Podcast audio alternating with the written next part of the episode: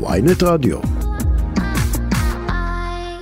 רונן ברגמן, פרשן אה, ידיעות האחרונות וניו יורק טיימס, שלום לך.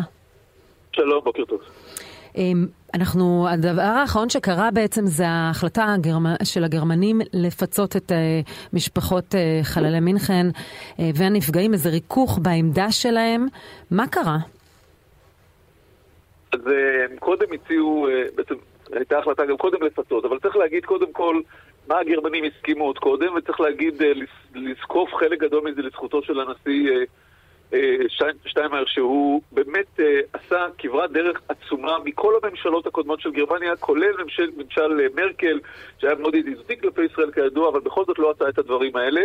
וכבר בנקודת הזמן אה, שבה התפוצץ המשא ומתן, והמשפחות הודיעו שהן לא מגיעות לטקס ומחרימות אותו, והנשיא אותו והוועד האולימפי בעקבותיהם, כבר בנקודה הזאת הגרמנים הסכימו לעשות שני דברים חשובים. אחד, בנאום ששטיינמאייר יישא מחר, להודות בכשלים ולקחת אחריות על הכשלים של גרמניה, גם בשמירה על הספורטאים וגם במבצע החילוץ הכושל וגם בהעלמת, או ב, הייתי אומר, אה, אי, אי אה, מתן גישה למשפחות לחומר, אה, ואולי נדבר על זה בהמשך. הדבר השני, להקים ועדה בלתי תלויה של היסטוריונים ישראלים וגרמנים שתחשוף את ה...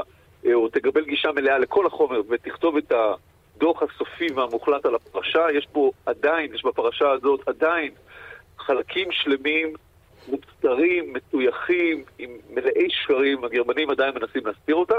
הדבר האחרון שנשאר זה הנושא של הפיצויים. משפחות דרשו פיצויים שיהלמו את הסטנדרט הבינלאומי לנפגעי טרור, וצריך לומר, בגרמניה איזשהו סוג של קשיחות לב, אטימות לב, לא רק למשפחות של מלחמת. מי היה מאמין? למשפחות נפגעי טרור. דווקא העם הגרמני, אתה אומר, מתנהל ככה? לא, הם פשוט, אני, אם לא הייתי מכיר אותך, אז הייתי בטוח שאת צינית, אבל אני יודע שאת לא. לא, זה... זה היה ישי דווקא. ואני פה אחראי על הסרקזם. כן, אז סליחה, אז כנ"ל לגביך, אין סרקזם, ברור, אבל בסוף יש כאן אטימות לב נמשכת, שהגיעה ממש לפיצוץ, כשהגרמנים מוכנים לשלם 5.4 מיליון יורו ל-23 בני משפחות ביחד. אחרי כל כך הרבה שנים. וצריך לומר שאין פה רק נפגעי טרור סתם, יש פה נפגעי טרור שלא קיבלו כמעט פיצוי, אבל גם שסבלו מנחת זרועה של הבירוקרטיה הגרמנית במלוא עליבותה או קשיחותה או אטימותה לאורך השנים, שיקרו לה. איך זה הגיע עד הלום? איך, איך, איך הגענו עד ליום הזה שמדברים על פיצויים?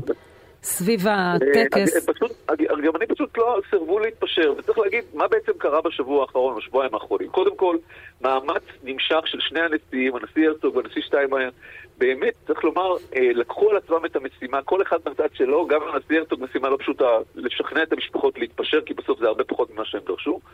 והנשיא שטיינמאייר, שהפעיל לחץ על הקאנצלר שולץ, אני חזרתי עכשיו ממזרח אירופה, פגשתי שם בכירים גרמנים, והם דיברו על שיחות לא פשוטות בין השניים האלה, כשבעצם נאמר אה, לראש הממשלה, אה, לקאנצלר שולץ, שממשלת גרמניה עשתה בפרשה הזאת לאורך 50 שנה את כל הטעויות האפשריות, וזה עוד שנייה נגמר בקטסטרופה.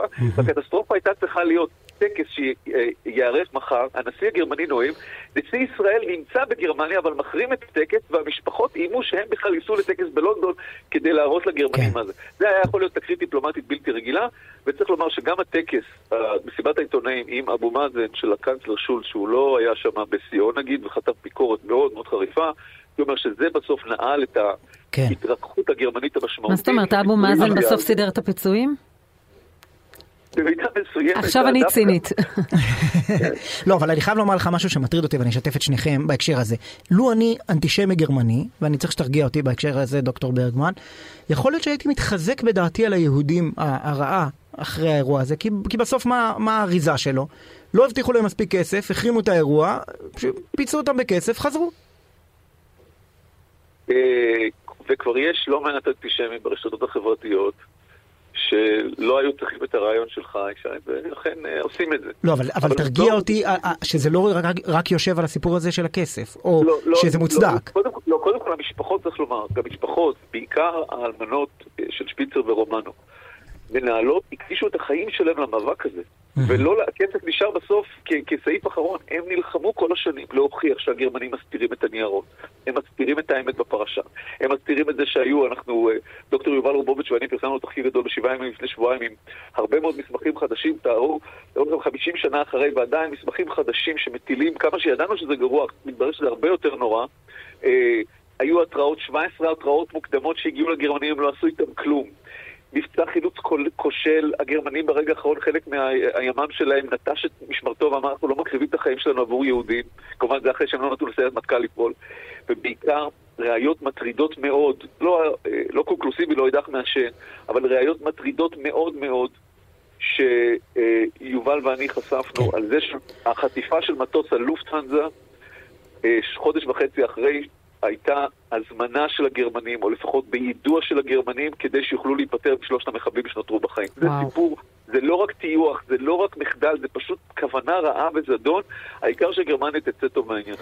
דוקטור רונן ברגמן, עיתונאי ניו יורק טיימס וידיעות אחרונות, תודה רבה. תודה רבה. תודה. תודה. בוקר טוב, בהצלחה לכם ברדיו. תודה. תודה.